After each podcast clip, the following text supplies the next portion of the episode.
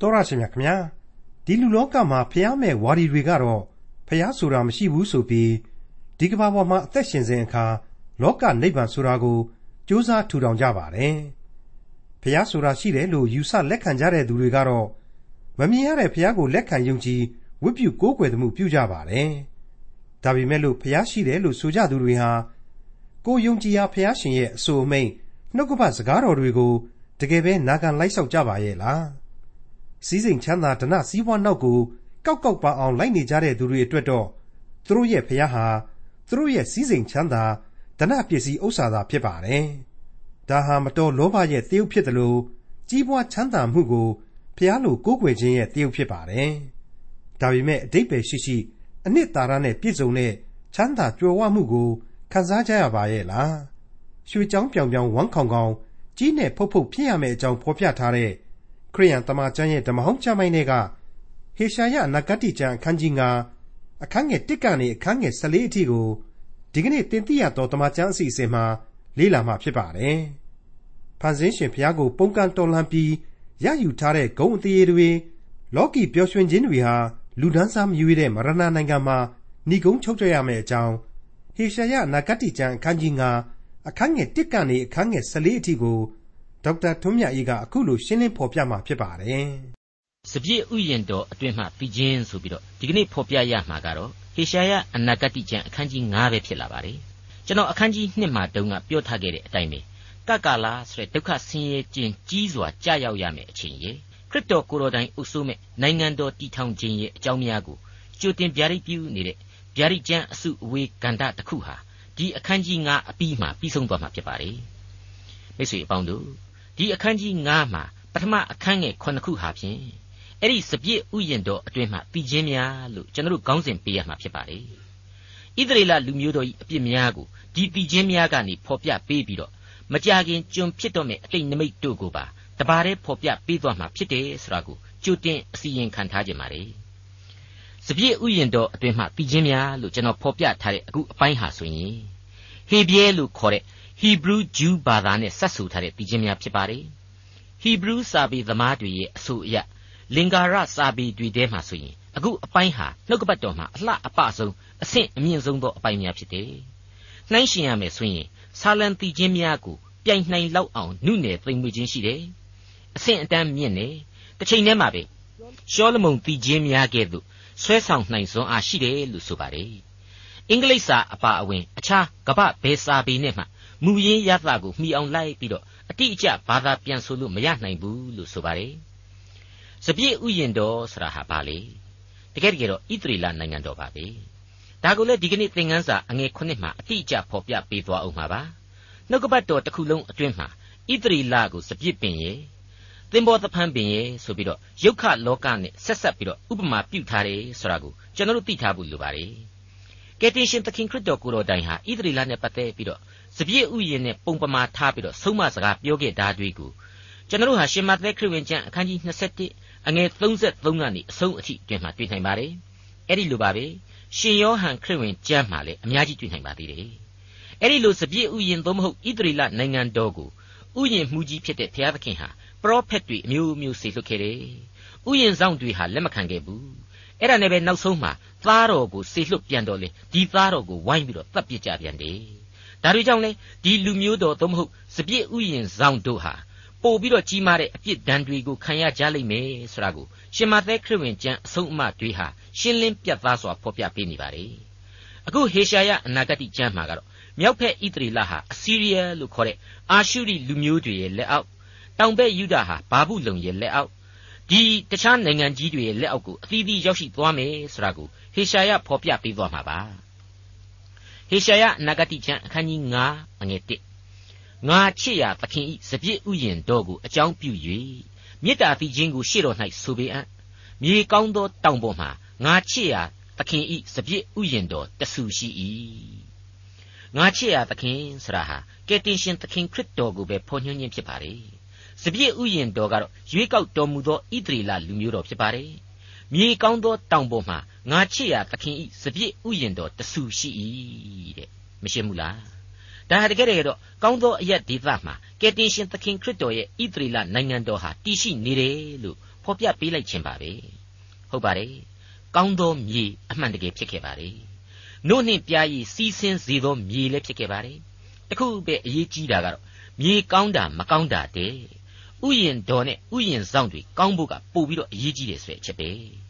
အခုဆိုရင် ခရစ်တော်ရဲ့ဥယျင်တော်ရဲ့ဖောက်ပြန်ပုံကိုဆက်ပြီးတော့ကြည့်ကြပါစို့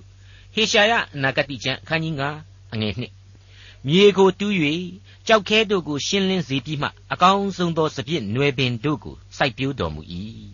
ဥယျင်ထဲမှမိခိုရာတဲလင်ကိုလည်းဆောက်၍စပြစ်သီးနေရာကျင်းကိုလည်းတူးတော်မူ၏ထိုအခါစပြစ်သီးကိုသီးမည်ဟုမျှော်လင့်သည်ရှိသောဘောရှသီးကိုသီးပါသည်တကားတဲ့မိတ်ဆွေအပေါင်းတို့ ပြောတဲ့အတိုင်းကောင်းသောမြေကတော့ကောင်းသောမြေပဲဥယျင်ကြီးဟာလေဘုရားသခင်နာမတော်ကြောင့်ဥယျင်တော်ဆိုပြီးတော့တော်ဝင်တဲ့အဆင့်အတန်းဥယျင်ကြီးတစ်ခုဖြစ်လာခဲ့ပါတယ်မြေကိုတူးတယ်ကြောက်ခဲတွေကိုရှင်းလင်းပေးတယ်တဲ့ဟုတ်ပါတယ်အဲ့ဒီခါနန်ဒေသကတခြားတခြားသောလူမျိုးတွေအကုန်လုံးကိုဣသရေလလူမျိုးဝင်ရောက်စံစားနိုင်ဖို့အတွက်ဖယ်ထုတ်ပေးတယ်အဲ့ဒီဥယျင်တော်အောက်မှာပြားပြားဝတ်သွားအောင်လေချိုးနှိမ်ပစ်ခဲ့တယ်အကောင်းဆုံးသောစပြစ်နွယ်ပင်ဆိုတဲ့လူမျိုးတော်တဲက ဣသရေလ12မျိုးတို့ကိုစိုက်ပျိုးပေးခဲ့တယ်မိခိုရာတဲလင်းစပြစ်သီးနေရာချင်းဆိုတဲ့ယေရုရှလင်မြို့တော်ကြီးနဲ့တကွဗိမာန်တော်ကြီးကိုလည်းတိဆောက်ခွင့်ပြုခဲ့တယ်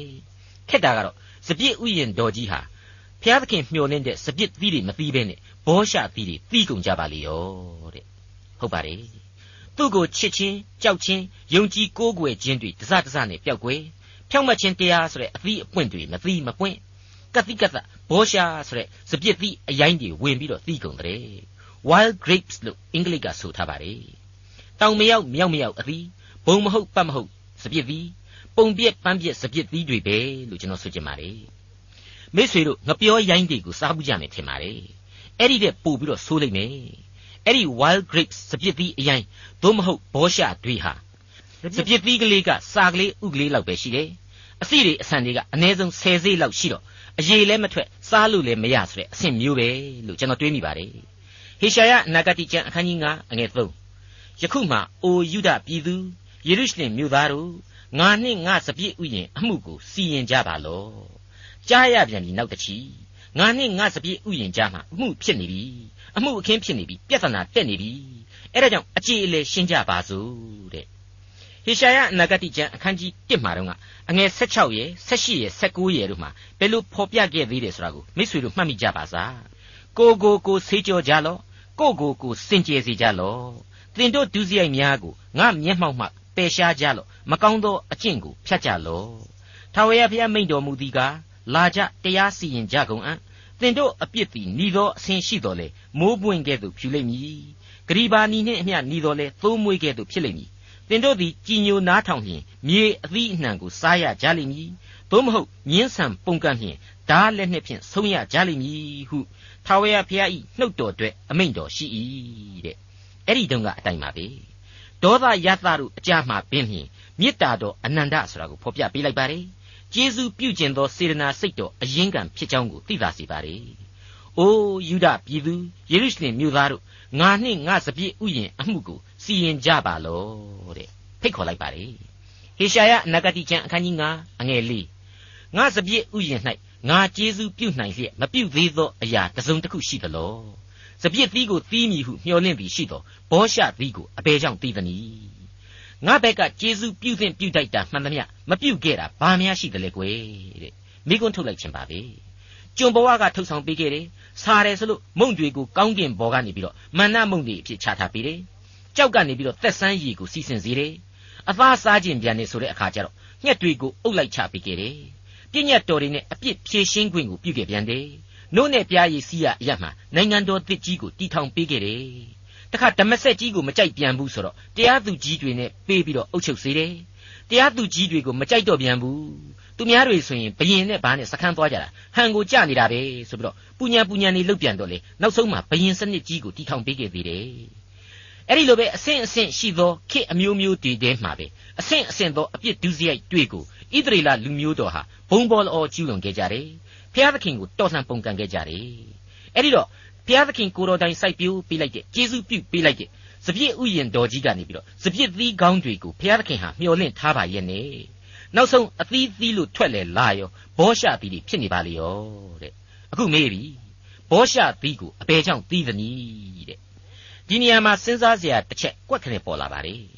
ချထားတဲ့ပြည့်ညတ်တော်တွေအကုန်လုံးကိုချိုးဖောက်တယ်ရှေ့ဆုံးတန်းကအမှတ်စဉ်1အပြစ်ကတော့ဘုရားသခင်မှာတပါအခြားသောဘုရားတွေအကုန်လုံးကိုမကိုးကွယ်ရဘူးဆိုတဲ့ကြားတွေကထာဝရဘုရားမှာတပါအခြားသောဘုရားတွေအကုန်လုံးကိုသူတို့ကိုးကွယ်ခဲ့တယ် ပြည့်ညတ်တော်တွေကြားထဲမှာလူလေလုတ်ပြီးတော့ကိုယ့်ဖာသာကိုဆွဲသွင်းဆွဲထုတ်တွေလုပ်ခဲ့တယ်ကျင့်စဉ်တွေကိုကြပြောင်းကြပြန်လုပ်တယ်ဘုရားသခင်ရဲ့နာမတော်ကိုခေါင်းတက်ပြီးတော့နတ်ကိုးကွယ်မှုတွေပါဝင်ရောရှက်လာတယ်ဘုရားသခင်ကိုနံဝိညာဉ်နဲ့မကိုးကွယ်ခဲ့ဘူးစတဲ့စတဲ့အဲ့ဒီအပြစ်တွေကိုသူတို့ကျူးလွန်ခဲ့တဲ့အတွက်ဘောရှသီးတွေပြီးတာပါပဲဒါကိုဘုရားသခင်ကသူတို့ကိုယ်တိုင်သိတာတဲ့ပို့ပြီးသိပါတယ်အဲ့ဒီလိုသိရသားနဲ့ဘာဖြစ်လို့မင်းတို့ဘောရှသီးတွေသိတယ်လေလို့မေးတာဖြစ်နိုင်တယ်လေရှင်းနေပါလေ ကို့အပြစ်ကိုကိုဝန်ခံစေခြင်းနဲ့နောင်တနဲ့ကြိုးပဲ့ကြေမွားတဲ့စိတ်နှလုံးနဲ့ဘုရားသခင်ကိုတိုးဝင်ချင်းကပ်စေခြင်းနဲ့အဲ့ဒါကြောင့်ဒီမေးခွန်းကိုမေးလိုက်တာပါပဲ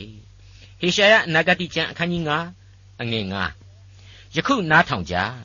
ငါစပြည့်ဥယျင်၌ငါပြုရမည်အမှုကိုတင်တို့အားငါဖော်ပြမည်။ဇောင်ရမ်းကိုငါပယ်ရှင်းသဖြင့်သူတစ်ပါးတို့သည်စားကြလိမ့်မည်။အုတ်ရိုးကိုငါဖြိုသဖြင့်သူတစ်ပါးတို့သည်ကြော်နှင်းကြလိမ့်မည်။အဲ့ဒါဟာမြောက်ဖက်ဣသရေလ တောင်ဘက်ယူဒဘယ်အပိုင်းကမှမလွတ်အောင်ခံရလိမ့်မယ်ဆိုတာကိုဖော်ပြပေးလိုက်တာပါပဲ။မိတ်ဆွေအပေါင်းတို့ခမညာအခုအပိုင်းမှာစဉ်းစားစရာလေးရှိလာတာကတော့မြောက်ဖက်ဣသရေလဆိုတာဟာဟေရှာယအခုကြမ်းပြုတ်နေတဲ့အချိန်မှာအမှန်တကယ်စီအစီးရီးယားရဲ့လက်အောက်ကိုမရောက်သေးဘူးလို့တွက်ဆနိုင်ပါတယ်အစီးရီးယားဆိုတာဟာကျမ်းစာမှာဗမာလူပြန်ထားတဲ့ဖော်ပြချက်အရာအာရှုရီပဲဖြစ်ပါတယ်ဟေရှာယဟာသက်တော်ရှိပရောဖက်ကြီးဖြစ်ခဲ့ပါတယ်ယူရပြည်မှာမင်းဆက်၄ဆက်တိုင်တိုင်မှီခဲ့တယ်ဆိုတော့ သူစတင်ပရောဖက်ပြုတဲ့ငယ်ရွယ်ချိန်မှာမြောက်ဖက်ဣသရီလဟာမိုက်လို့ကောင်းတုံဆိုးလို့ပေလို့ကောင်းတုံကိုတွင်းကိုတူးပြီးတော့ကျွန်ဖြစ်ဖို့နီးကပ်နေတဲ့အချိန်ဖြစ်နိုင်ပါတယ်မိတ်ဆွေအပေါင်းတို့အစီးရီးယားလို့ခေါ်တဲ့အာရှုရိစီးရီးယားခေါ်ရှုရိနဲ့ဘေဘီလွန်အမ်ပါယာကြီးတွေဟာအမှန်တကယ်မကြမီအချိန်အတွင်းမှာဣသရေလတနိုင်ငံလုံးကိုကြော်နှင်းခဲ့ကြပါတယ်မငင်းနိုင်လောက်အောင်တွေ့ရတဲ့အနာဂတ်ကြမ်းရဲ့ပြည့်စုံချက်ဘုရားသခင်ဖော်ပြလိုက်ပြီးပြီလေမင်းတို့အုပ်ရိုးကိုငါဖြိုဖျက်မယ် သူတစ်ပါးဝင်ပြီးတော့ကျူးကျော်ကြလိမ့်မယ်တဲ့မိတ်ဆွေအဲ့ဒီအချိန်ကစပြီးတော့ဣသရေလလူမျိုးတော်ဟာအဲ့ဒီနီးအဖြစ်ကဘာအနှံ့အပြားကိုပြန့်လွင့်လွင့်စင်ကုန်ခဲ့ကြတယ်တရုတ်ပြည်မှာအဲ့ဒီဂျူးတွေရှိခဲ့ပါတယ်မြန်မာနိုင်ငံမှာလည်းရှိခဲ့ပါတယ်အာဖရိကတိုက်မှာရှိပါတယ်ဂျူးမရှိတဲ့နိုင်ငံရဲ့လို့ကဘာမှာမရှိတော့ရှားခဲ့ပါတယ်နှောင်းကာလမှာလည်းယောမတူရကီ အင်္ဂလိပ်လူမျိုးတို့ရဲ့လွှမ်းမိုးမှုတွေကိုစစ်တိုက်ခံခဲ့ရပြန်သေးတယ်ဆိုတာကိုကျွန်တော်တို့ဘယ်နည်းနဲ့မှမေ့ထားလို့မဖြစ်နိုင်ပါဘူးဒါဟာဓမ္မသမိုင်းနဲ့ကပ္ပသမိုင်းရဲ့သစ္စာအမှန်ဒီပါပဲဟေရှာယအနာဂတိကျမ်းအခန်းကြီး9အငယ်6ဥယျင်ကိုငါရှင်းရှင်းဖြည့်ဆည်းမည်အဘယ်သူမျှမပြင်ဆင်ရအဘယ်သူမျှမတူးမဆွာရစုပင်အမျိုးမျိုးပေါက်ကြလိမ့်မည်ထိုဥယျင်အပေါ်မှာလေမိုးမရွာစေခြင်းဟာငါပြည့်ညတ်မည်မိတ်ဆွေအပေါင်းတို့ခမညာသူကျေးဇူးပြုခဲ့တဲ့အချိန်တုန်းကဆိုရင် မြေကိုတောင်တူးပြီးတော့ကြောက်ခဲတို့ကိုရှင်းလင်းပေးခဲ့သေးတယ်ဆိုတာကိုအငယ်နှစ်မှာတုန်းကရှင်းလင်းပြသစွာတွေ့ခဲ့ရပါတယ်အခုအချိန်မှကြတော့အဘယ်သူမျှမပြင်ဆင်ရအဘယ်သူမျှမတူးဆွရတဲ့ကဲအပြောင်းအလဲကြီးဟာဘလောက်ဆိုးတယ်လေအဲ့ဒီလိုသူကိုယ်တိုင်ကအပြစ်စီရင်တယ်ဆိုရင်လေဘသူကမှပေါက်ပေါက်မြက်မြက်ဝင်ပြီးတော့ကယ်လို့မရဘူးဝင်ပြီးတော့ကူပေးလို့လည်းမရနိုင်ပါဘူးဟုတ်ပါတယ်ထာဝရဘုရားသည်မြေကြီးနှင့်မြေကြီးတစားကို၎င်းလောကရနှင့်လောကသားတို့ကို၎င်း ပိုင်တော်မူ၏လို့အခိုင်အမာဖော်ပြထားပြီးပြီမဟုတ်ဘူးလားအဲ့ဒီလိုပါပဲ128ခုမြောက်သောဆာလံမှာဖော်ပြထားတာလည်းရှိပါသေးတယ်ထာဝရဘုရားသည်အိမ်ကိုစောက်တော်မမူလျင်စောက်သောသူတို့သည်အချီးနှီးလှုပ်ဆောင်ကြ၏ထာဝရဘုရားသည်မြို့ကိုစောင့်တော်မမူလျင်ကင်းဆောင်တို့သည်အချီးနှီးဆောင်ကြ၏စောစောထလျက်ညစ်နေသည့်တိုင်အောင်မအိပ်ဖဲနေလျက်ပင်မစွာအစာစားလျက်နေတော်လဲအကျိုးမရှိအိပ်ပျော်ရသောအခွင့်ကိုချစ်တော်မူသောသူအားအမှန်ပေးတော်မူ၏ အဲ့ဒီတိုင်ပါပဲ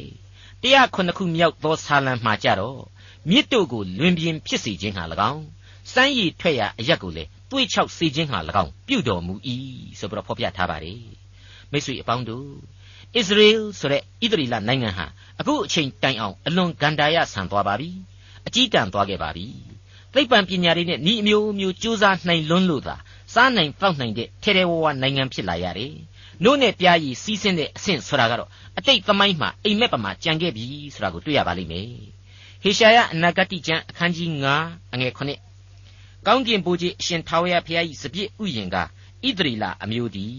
နှစ်သက်တော်မူသောပြိုးပင်ကယူဒလူသည်တရားစီရင်ခြင်းကိုမျှော်လင့်တော်မူသည်ရှိသောအသေးသက်ခြင်းကို၎င်းဖြောက်မှတ်ခြင်းအရာ၌ငိုကြွေးခြင်းကို၎င်းတွေ့မြင်တော်မူ၏ ဣသရေလရဲ့ယူဒရဲ့ဆိုပြီးတော့ခွဲခြားတာမဟုတ်ပါဘူးနော်ယူဒဆိုတဲ့အဓိကမျိုးနွယ်စုကနေပြီးတော့စပြီးတော့ပြိုးတယ်ဣသရေလတစ်ခုလုံးဟာဥယျင်တော်ဖြစ်လာတယ်ဆိုတာကိုရည်ညွှန်းလိုက်ပါတယ်ဣသရေလဟာတရားစီရင်တော်မူခြင်းသို့မဟုတ်ခွင့်လွှတ်တော်မူခြင်းအခွင့်ကိုမျှော်လင့်ပါတယ်ဒါပေမဲ့ဘုရားသခင်မပေးဘူးတဲ့အသေးသက်ချင်းကိုပဲရလိမ့်မယ်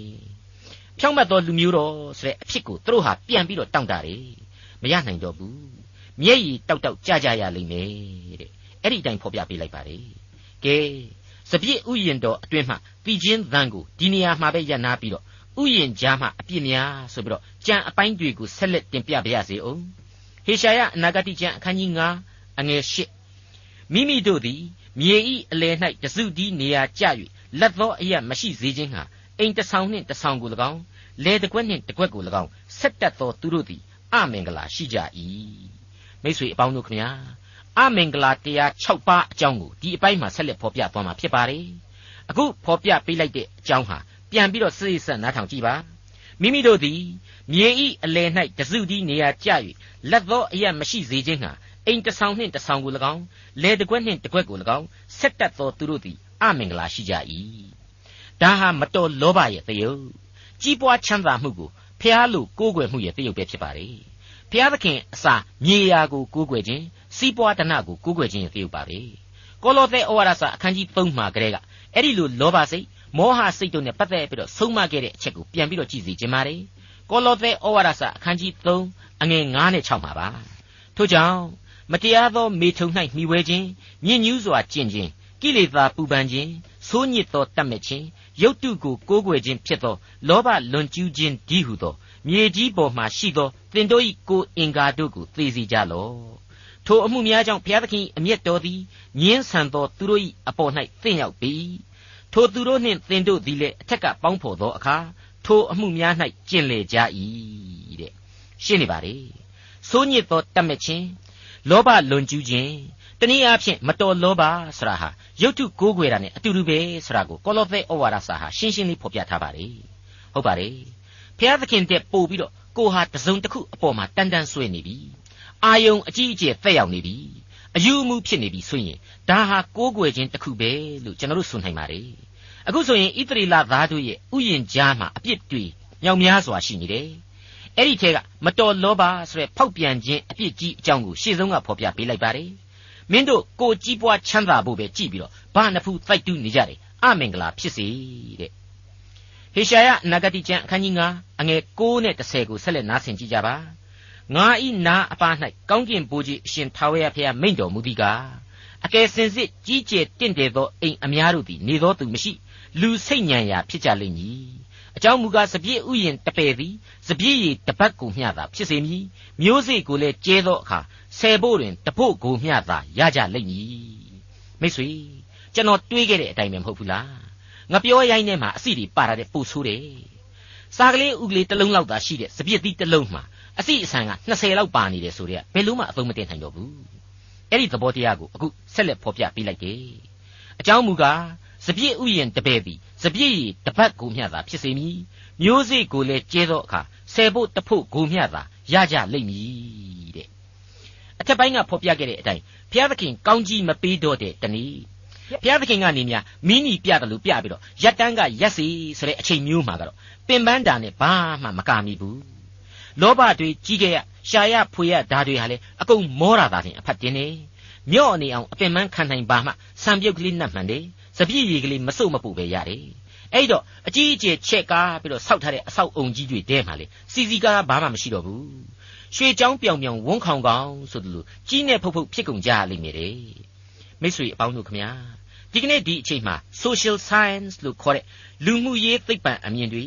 ecology လို့ခေါ်တဲ့သဘာဝပတ်ဝန်းကျင်သိပ္ပံအမြင်တွေကဖော်ပြချက်တွေအရကမ္ဘာအခြေအနေတစ်ခုလုံးဟာမကောင်းပါဘူးရှေးရေးကိုကြိုးပြီးတွက်ဆနေကြတာတွေကြားရတာတွေဟာလေစိတ်ချမ်းသာစရာတစ်ခုမှမရှိတာကိုကျွန်တော်တို့ကြားနေရပါတယ်ရင်နာစရာပါပဲကျွန်တော်ကဒီအပိုင်းကိုရောက်တော့ပျောက်သောသားရဲ့ရှင်ပြိုပြိုနိုင်ငံတော်ကြီးကိုတွက်ပြီးတရိယာမိတယ်ကျွန်တော်လည်းအထက်ထက်ဒီအပိုင်းတွေဒီအကြောင်းတွေကိုတာရကပြုခဲ့ပြီးဖြစ်ပါတယ်ပျောက်သောသားဆင်းရဲမွဲတီချွတ်ချုံကြတဲ့အချိန်မှာ အဲ့ဒီနိုင်ငံတော်ကြီးဟာလေပျောက်သောသားနဲ့တပြိုင်နက်တည်းချွတ်ချုံကြခဲ့တယ်ဘလောက်အံ့ဩဖို့ကောင်းလဲကျွန်တော်ရဲ့မျက်မှောက်ခေလူလောကဟာလေအဲ့ဒီလူများဖြစ်နေလေသလားလို့ကျွန်တော်များစွာယဉ်လင်းမိပါတယ်တချို့တချို့ယုံကြည်သူတွေကတော့ကပ်ကာလနီးနေပြီဒုက္ခဆင်းရဲခြင်းကြီးတွေဟာပေါ်လာနေပြီကဘာကြီးပြက်ကိုပြက်တော့မယ်ဆိုပြီးတော့အပိုင်အနိုင်ပြောနေကြတာလေကြားရပါတယ်ထင်နေကြတာတွေလည်းအမြောက်များရှိနေပါတယ်ကျွန်တော်တို့ကတော့ဘုရားသခင်ရဲ့စီရင်တော်မူခြင်းဆိုတာဟာလူသားတွေထင်တယ်လို့ရှောက်ပြီးတော့တွက်လို့မရနိုင်ဘူး အလိုတော်အတိုင်းပဲသာဖြစ်ပါစေဆိုပြီးတော့ကိုလူအဖွဲ့အစည်းရဲ့ဘဝကိုလက်တော်ထဲမှာအနှံထားလိုက်တာဟာအမှန်ဆုံးပဲဖြစ်လိမ့်မယ်လို့ခံယူမိပါတယ်ဆုတောင်းလျက်စောင့်နေကြလောဆိုတဲ့ခရစ်တော်ကနေသူ့တပည့်တော်ပေတရုယောဟန်တို့ကိုမှားခဲ့တဲ့အသံကိုသတိရကြပါခရစ်တော်၌သာမြဲမြံစွာခိုလှုံကြပါအနာဂတ်ကာလဘယ်လိုပဲဖြစ်ဖြစ်မိမိတို့ဘဝဟာခရစ်တော်၌တည်ရှိဖို့သာလျှင်အဓိကလို့အားပေးတိုက်တွန်းလိုက်ပါရစေဟေရှာယအနာဂတ်ကျမ်းအခန်းကြီး9အငယ်7နဲ့7 သေရသေရက်ကိုတောက်အံ့သောငါနန်းနဲ့စောစောထ၍စပြည့်ရည်နှင့်ရစ်မှုအံ့သောငါညကိုလည်းလွန်စေတတ်သောသူတို့သည်အမင်္ဂလာရှိကြ၏သူတို့၏ပွဲ၌စောင်းတယောပတ်တာပလွေစပြည့်ရည်ပါရ၏ထာဝရဘုရား၏အမှုတော်ကိုကပမာဏမပြုကြရှင်းနေပါလေမနဲ့စောစီးထပြီးတော့ရက်တော့တယ်နေကင်းနေလေမှလည်းဆက်တော့တယ်ညကြပြန်တော့လည်းမပြတ်ဘူးတဲ့အဲ့ဒီလိုတောက်ကြပျော်ကြရစ်ကြမူးကြရမှလေတီးဝိုင်းနဲ့ပါနဲ့ဆိုပါလား တနည်းအားဖြင့်လောကီပျော်မွေ့ခြင်းတွေအမျိုးမျိုးနဲ့ဥမြူးနေကြတာကိုဆိုလိုလိုက်ပါတယ်ဆိုလိုတာဖြစ်ပါတယ်ဘုရားသခင်ကအပြစ်တင်လိုက်ပါတယ်မင်းတို့အဲ့ဒီလိုလုပ်တဲ့လူတွေလည်းအမင်္ဂလာပဲတဲ့မူးလဲမူးတယ်မြူးလဲမြူးတယ်အဲ့ဒီလိုမြူးတဲ့အဆင့်ကနေဆက်လိုက်တော့ယူတဲ့အဆင့်ပဲဟုတ်ပါတယ်အဲ့ဒီပျော်ရွှင်ခြင်းဟာလုံးဝဘုရားသခင်နဲ့ဆိုင်တဲ့ပျော်မွေ့ခြင်းမျိုးမဟုတ်ဘူးအဲ့ဒီလိုပျော်ရွှင်ခြင်းမှာအယူအမှုဖြစ်နေတာနဲ့ပဲဘုရားသခင်ကိုလုံးဝမေ့နေပါလေရောတဲ့အပြစ်ဟာဇက်တိုက်နှမျိုးအလိုလိုဖြစ်သွားတယ်နော် ဘုရားသခင်အမှုတော်ကိုပမာဏမပြုစရာဟာဘုရားသခင်အတွက်ဘာဆိုဘာမှကိုဟာအသုံးမဝင်တော့တယ်လို့ဘုရားသခင်ကဘယ်လိုစီရင်မယ်ဆိုတာကိုလေသူဟာအရှင်းကိုဂရုမစိုက်တော့ဘူးဒါဟာဘုရားသခင်ကိုကြောခိုင်းခြင်းပုံကန်ခြင်းဆိုတဲ့အချက်ကိုရှင်းရှင်းကြီးဖော်ပြပေးလိုက်တာပါမိတ်ဆွေဘုရားသခင်ဟာလူသားရဲ့သဘာဝကိုနားလည်ပါတယ်အတိုင်းအဆတစ်ခုအထိသူဟာခွင့်လွတ်တော်မူသောဘုရားသခင်ဖြစ်တော်မူလိမ့်မယ်ဆိုတာကိုကျွန်တော်တို့လေးနဲ့စွာယုံကြည်ပါတယ် ယောမဩဝါဒစာရဲ့ဏိဂုံးကျမ်းပိုင်းတွေမှာလည်းဒါကိုရှင်းလင်းပြသစွာဖော်ပြပေးခဲ့ပြီးသားပါဒါပေမဲ့အခုအချိန်မှတော့လူသားဟာအရက်ကိုတောက်ပြီးတော့အရက်လောက်တော့မှဘုရားသခင်ကိုတန်ဖိုးမထားတော့ဘူးတဲ့ကောင်းရောပေါ့ကပ္ပသမိုင်းတဲကယောမဘယင်ကြီးနီရိုအကြောင်းကိုကျွန်တော်ဒီအပိုင်းမှာသွားပြီးသတိရမိပါတယ်အဲ့ဒီဘယင်ကြီးဟာစိတ်တစဆန်တဲ့ဘယင်ကြီးပေါ်တော်တော်ဘယင်ကြီးယူယူမှုမှုနဲ့ကိုယ့်ရဲ့မြို့တော်ကြီးယောမကိုကိုယ့်ဘာသာကိုပြန်ပြီးတော့မိရှုခိုင်းတဲ့ အဲ့တော့မိတွေထားပြီးတောက်လောင်နေတာကိုနန်းတော်ဘောကနေကြည်ပြီးတော့သူကအရသာခံနေဆိုပါလားအရသာခံယူနေမကသေးဘူးနော်စောင်းကလေးတောင်မှတီးပြီးတော့တချင်းကလေးတေးလှုပ်လိုက်ပြီးတယ်ဆိုပဲနောက်ပိုင်းကျတော့ဒါဟာခရိယန်တွေလှုပ်တာပဲဆိုပြီးတော့ဆွတ်ဆွဲပြီးတော့ခရိယန်တွေကိုတစားခံလှုပ်လိုက်တယ်ဓာစာခံလှုပ်လိုက်တယ်ပေါလုတို့ပေတရုတို့ကိုမင်းတို့ကြောင့်ဆိုပြီးတော့တတ်ပြစ်တာဟာသူပဲလို့ပြောပါတယ် ဒါဟာအတိမပြုတ်နိုင်တဲ့သူတည်တည်တွေအယူအဆတစ်ခုအဖြစ် National Geographic ဆိုတဲ့စာအုပ်ကြီးထဲမှာတွေ့ရလို့ကျွန်တော်ဘာသာပြန်ပေးခဲ့ဘူးပါသေးတယ်မိတ်ဆွေအပေါင်းတို့ဘုရားသခင်ဟာလူသားတွေရဲ့ပျော်ရွှင်လိုတဲ့သဘာဝလူသားတွေရဲ့အခြေခံလူအခွင့်အရေးဆိုတာတွေကိုသူကိုယ်တိုင်ပေးထားတာပဲဖြစ်ပါတယ်သူကိုယ်တိုင်ကောင်းကောင်းနဲ့သိနာလေပါတယ်သူဖန်ဆင်းတဲ့လူသားမဟုတ်ဘူးလားဒီလူသားအကြောင်းကိုသူဒီလူသားသိတာတဲ့ပို့ပြီးတော့သိတော့မှာပေါ့ဒါပေမဲ့လူသားဟာသူ့ကိုမေ့လျော့ကြောခိုင်းခြင်းကိုသူခွင့်မလွှတ်နိုင်ပါဘူး ဒါဟာလူသားကိုသူပိုင်ကြတယ်သူဖန်ဆင်းတယ်သူကျွေးမွေးပြုစုထားတယ်ကျေးဇူးပြုထားတယ်သူ့သားသမီးလို့သူ့ရင်ထဲကခံယူပြီးတော့သူဟာယူရမြတ်နိုးတယ်အဲ့ဒီအခြေခံမေတ္တာစိတ်ကလာတဲ့စိတ်ပဲလို့ကျွန်တော်ခိုင်မာစွာယုံကြည်မိပါတယ်ဟုတ်ပါတယ်ပြည့်ညတ်တော်မှာနံပါတ်1ပြည့်ညတ်တော်ဟာပါတယ်တော့ငါမှတပါအခြားသောဖျားကိုမကူးကွယ်ရတဲ့ငါဟာအပြစ်ရှိသည်ဟုယုံလွယ်သောဖျားဖြစ်၏